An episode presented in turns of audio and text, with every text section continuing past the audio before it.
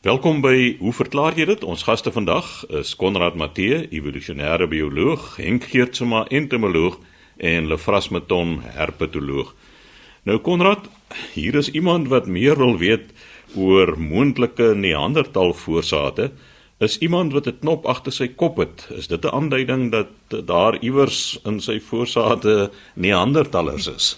Ja, Chris, goeiemôre. Meneer Douglas Ashton, hy skryf in Engels, so maar ek gaan in Afrikaans die vraag stel. Hy sê hulle is sewe broers en een vroulike individu in hulle familie. Neem aan dit kan of sy suster of sy ma of iemand wees, maar daar's in elk geval 8 mense in hulle familie en dit almal 'n boggel aan die onderkant agter die skedel van hulle koppe. So agter hulle koppe is daar so uitstulping. En die boggel staan bekend as hy weer die occipital bun En as ek dit kan vertaal, dan sit die occipitale torus. Nou hierdie occipitale torus is 'n eienskap wat baie wyd voorgekom het onder die Neandertalman. En die Neandertalman, dit was 'n prominente verskynsel. Nou die boggel het uitgegroei om eintlik vir spieraanhegting te dien omdat die Neandertalman se skedel heelwat groter is en hulle moes hulle koppe reguit hou as hulle hardloop om te kan jag.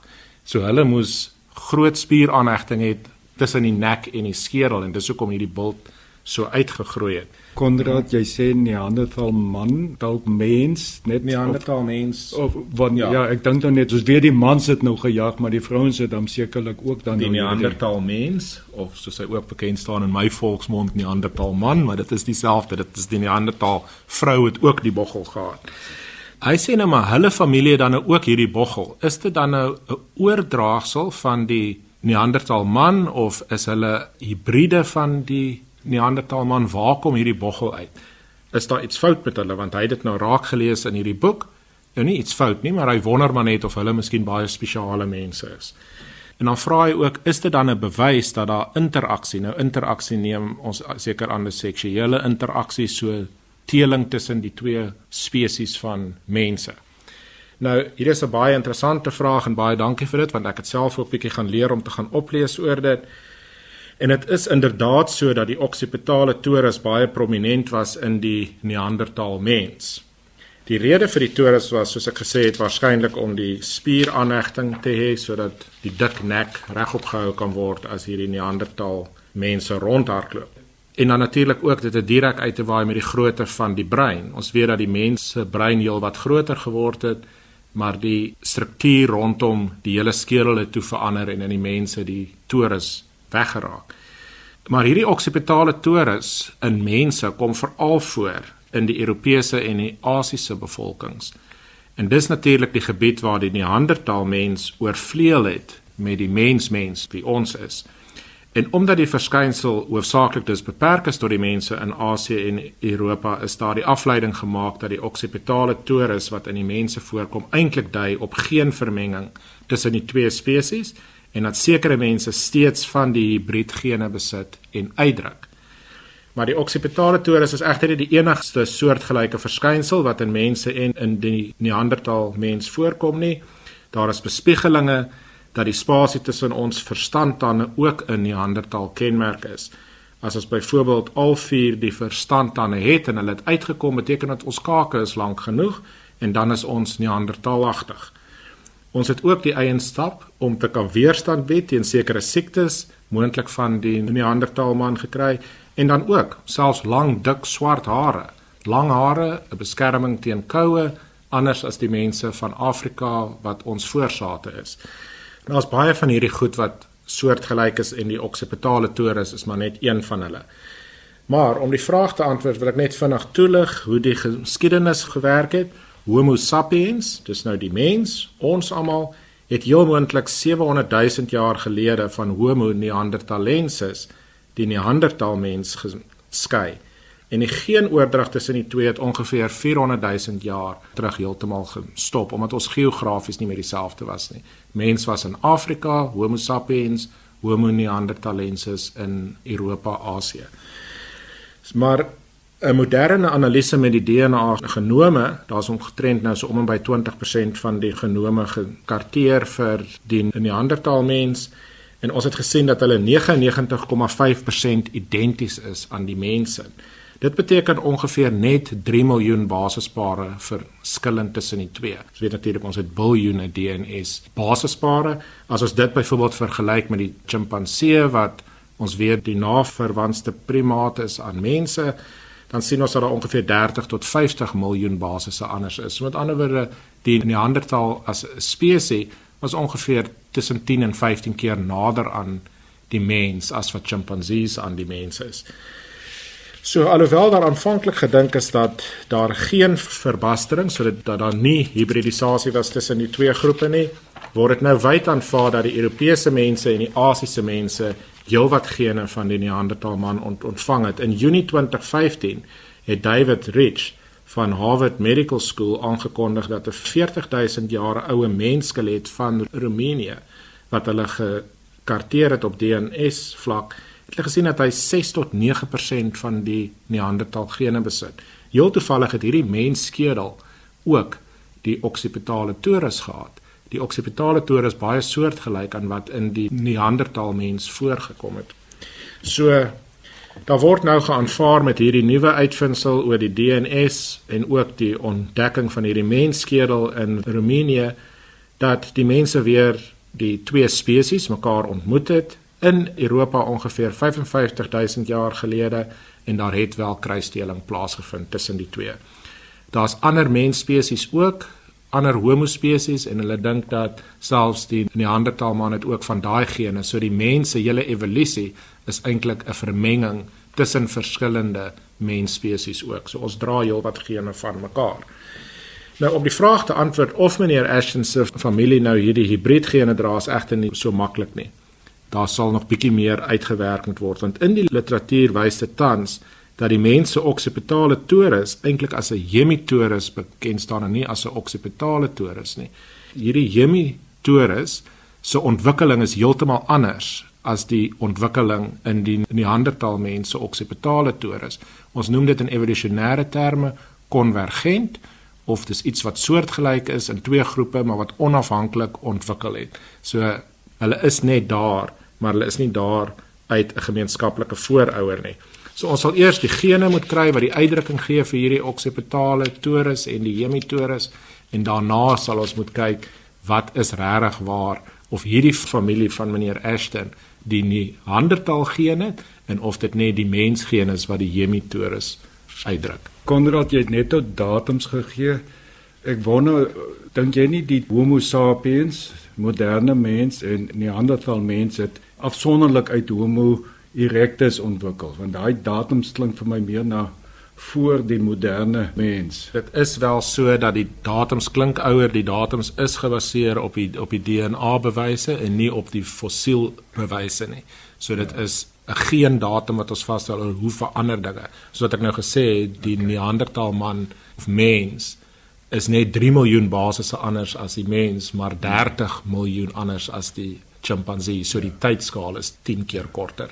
Dan net interessantheidshalwe is nou die Neanderthal mens en Homo sapiens, die moderne mens en dan was daar nog in daardie stadium op 'n tydstip nog 'n derde spesies Floresiensis. Floresiensis was ook beskikbaar en hulle het heelwat gene tussen die twee gekry tussen so. die Neanderthal man en Floresiensis en die rede vir dit is hulle geografiese gebied was baie naby aan mekaar. Ja. So daar was baie meer inteling nog onder hulle. So, so ek dink die luisteraars sal dit baie interessant vind dat daar op 'n stadium in die verlede was daar 3 verskillende mensspesies wat saam geleef ja. het.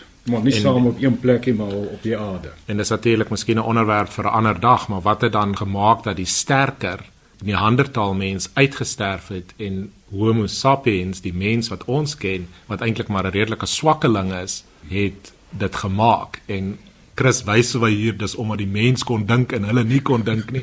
Ek dink ons kan so sê maar daar's ook baie bewyse dat die Neandertalman self het ook nie kunswerke nie, maar daar is wapenrusting. Dit lyk of hulle 'n kultuur gehad het, begrafnis tipe goed gedoen het. So daar is soortgelyke goed aan wat mense doen.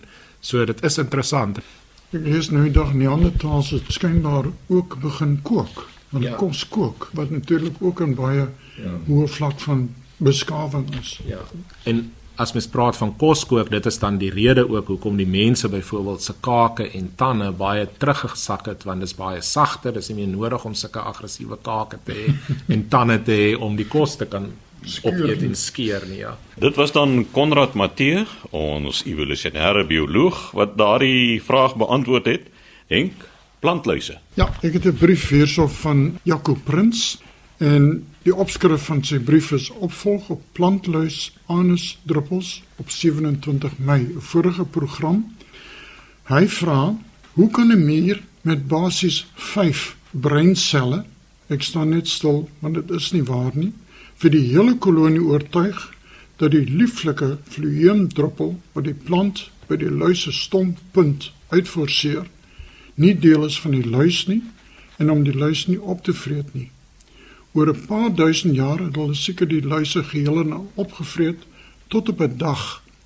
Toe besef hulle, dis nou die mure, dat die plantluis en sy anusdruppel twee losstaande entiteite is.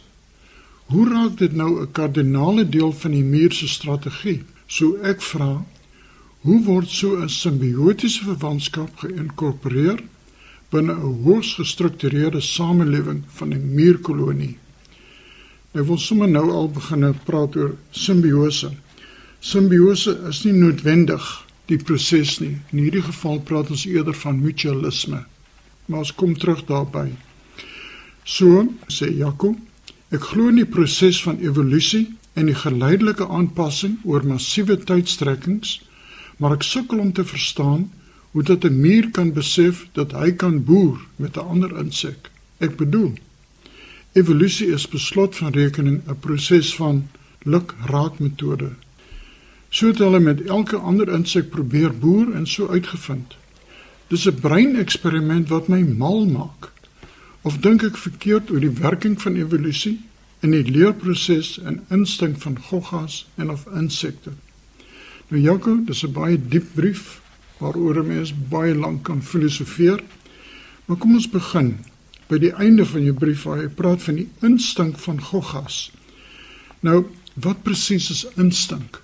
Ek sien instink as 'n gedragspatroon wat baie keer aangeleer is, maar nie noodwendig nie. Byvoorbeeld, Op die oomblik is daar 'n wewervink wat in 'n boom in my tuin 'n nesie bou en nog 'n nesie.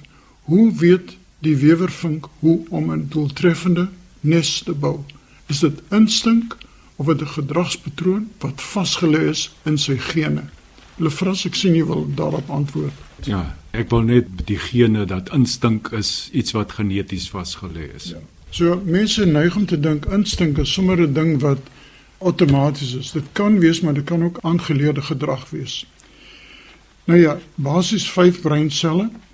'n Mier het 'n redelike goed ontwikkelde brein met 3 lobbe. So ek dink dis verkleinerend om so neerhalend te praat van 'n mier se brein.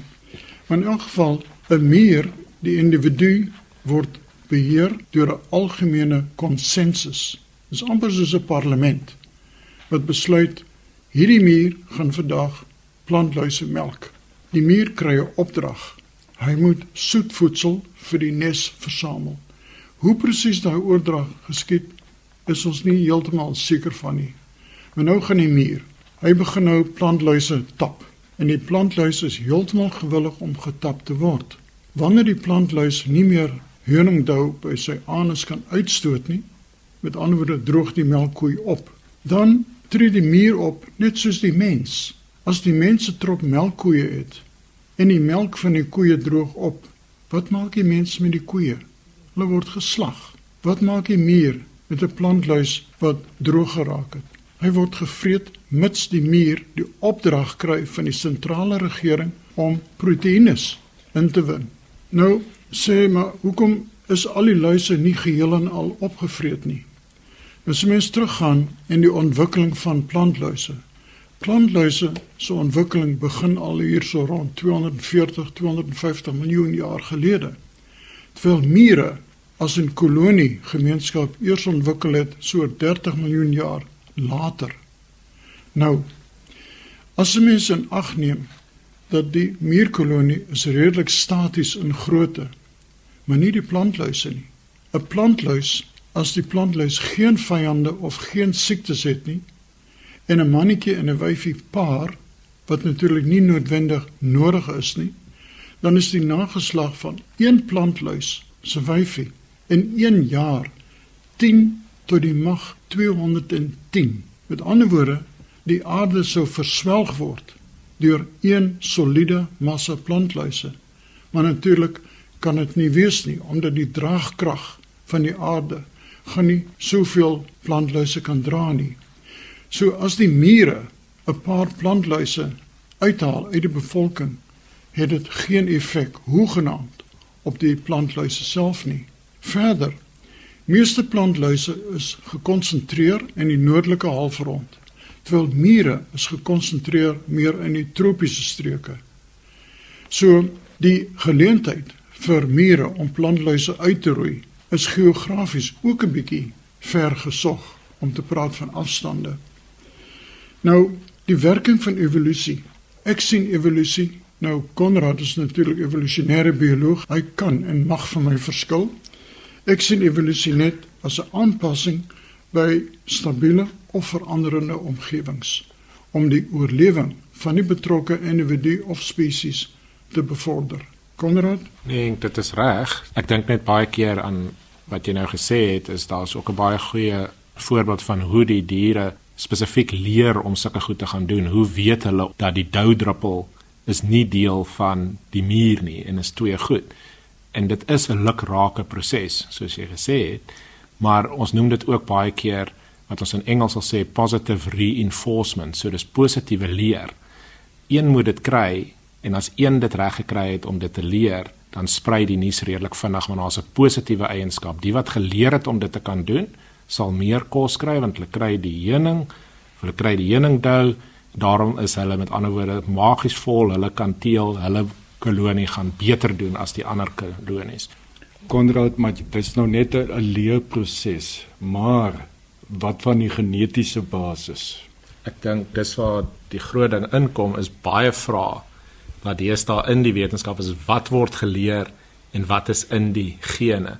En daar's baie gedragseienskappe wat baie interessant is. Ek het geleer nog as 'n student as 'n perdefulletjie sy eerste sluk neem by 'n krib se hoek waar die water uitdrup, dan sal die perdefulletjie baie moeilik by die Mary melk vat, want hy het geleer dat die vog kom by die verkeerde plek uit. Hy moet by die tepel uitkom om dit te leer. So ja, dis instink, hulle moet melk suig, maar daar's bietjie leer op by waarom dit te kry.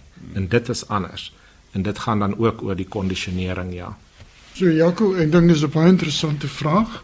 Maar jy hoef nie bekommerd te wees nie. Mure sal nie plantluise ooit kan uitroei nie. My waarde sê ek dink met die aksies van die mens word die muur eintlik gesien as 'n nie wenslike organisme nie en die mens gaan probeer om mure uit te roei. Maar natuurlik plantluise is net so uh, onmenslike.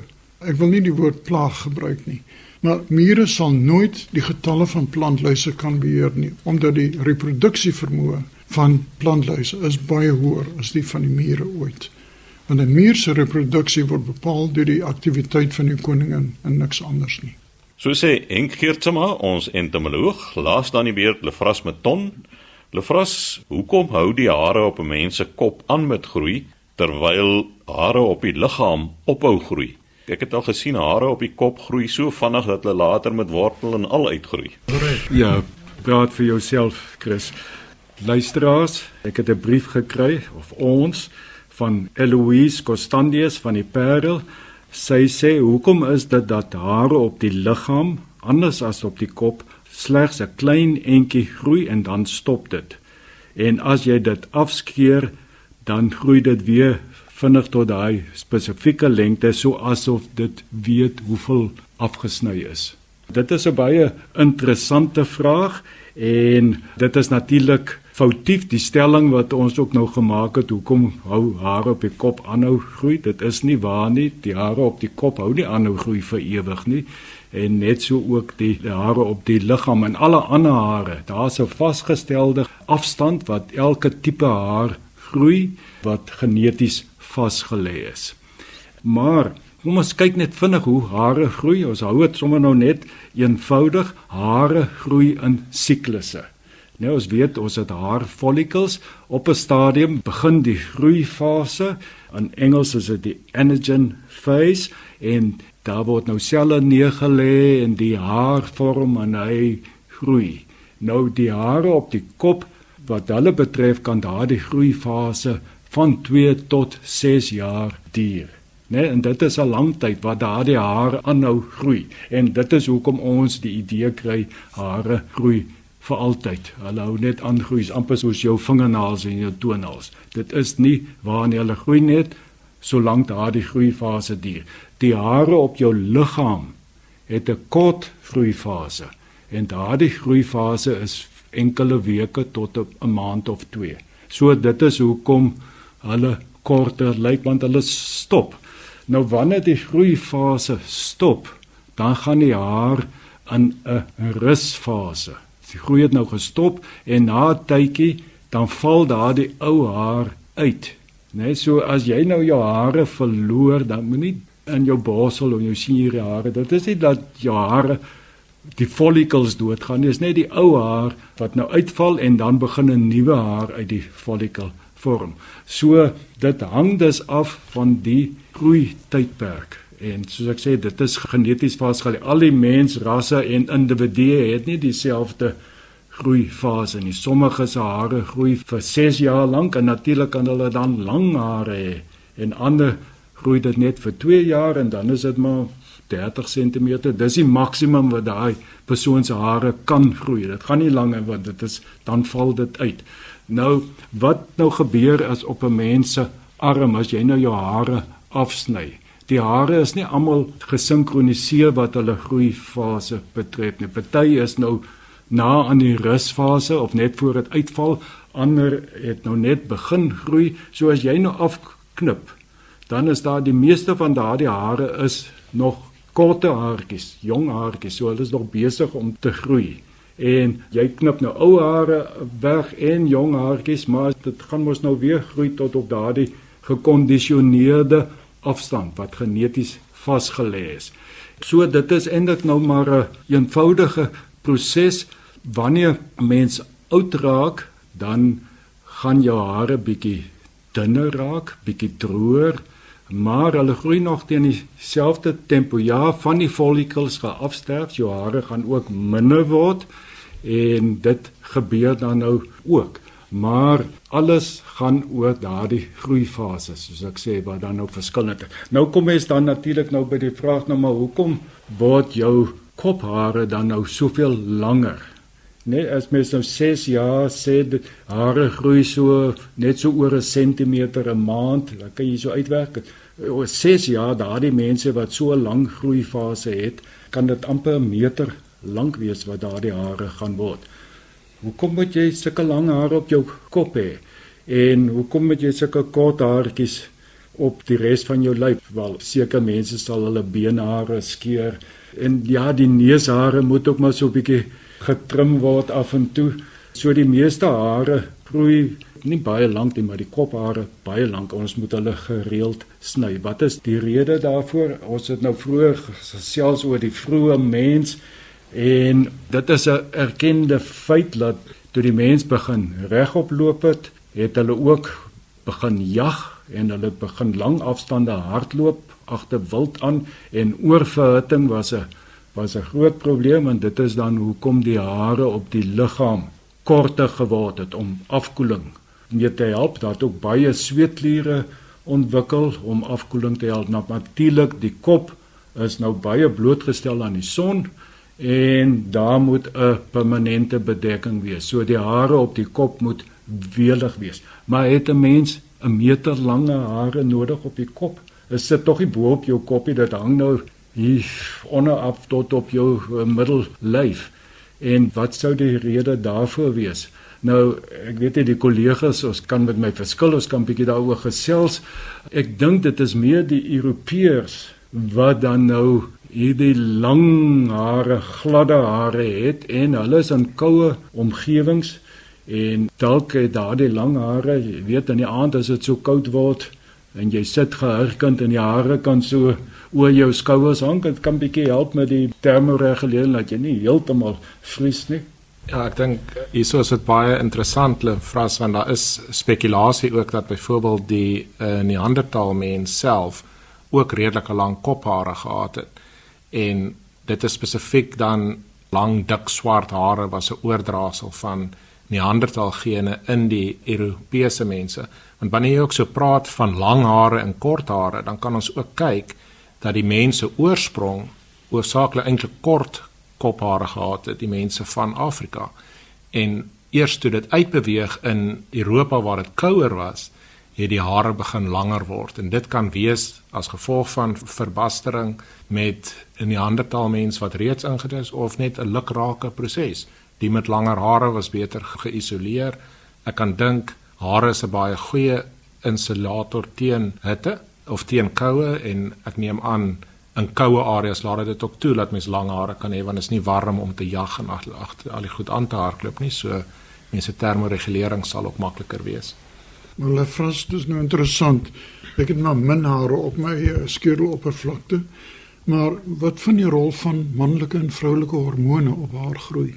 Natuurlik speel hormone 'n groot rol. Baie mans sal vir jou sê dat hulle bade groei baie vinniger in die somer. Hulle moet meer gereeld skeer as in die winter en dit is gekoppel aan die testosteroon siklus. En dan is daar natuurlik baie vroumense, mansmense wat hare uitval is alles hormoonbeheer. Dit is iets anderste, maar definitief hormone speel 'n groot rol. Chris, ek weet jy wil tyd ons het nie, maar Ek wil net dan afsluit deur te sê dat die lengte van die hare, onthou daardie vroeë mense was daar baie slytasie in die hare. Dit het nie shampoos en al hierdie goed gehad om die hare gesond te hou nie. So die hare het waarskynlik die punte afgebreek en die hare het nooit daardie die kophare nou daardie lang lengtes bereik nie. Daar het die tyd ons ongelukkig ingehaal. Lefras Meton, herpetoloog wat dan gesels het oor hare op die liggaam. Skryf gerus aan ons by hoe verklaar jy dit posbus 2551 Kaapstad 8000 of stuur 'n e-pos aan chris@rsg.co.za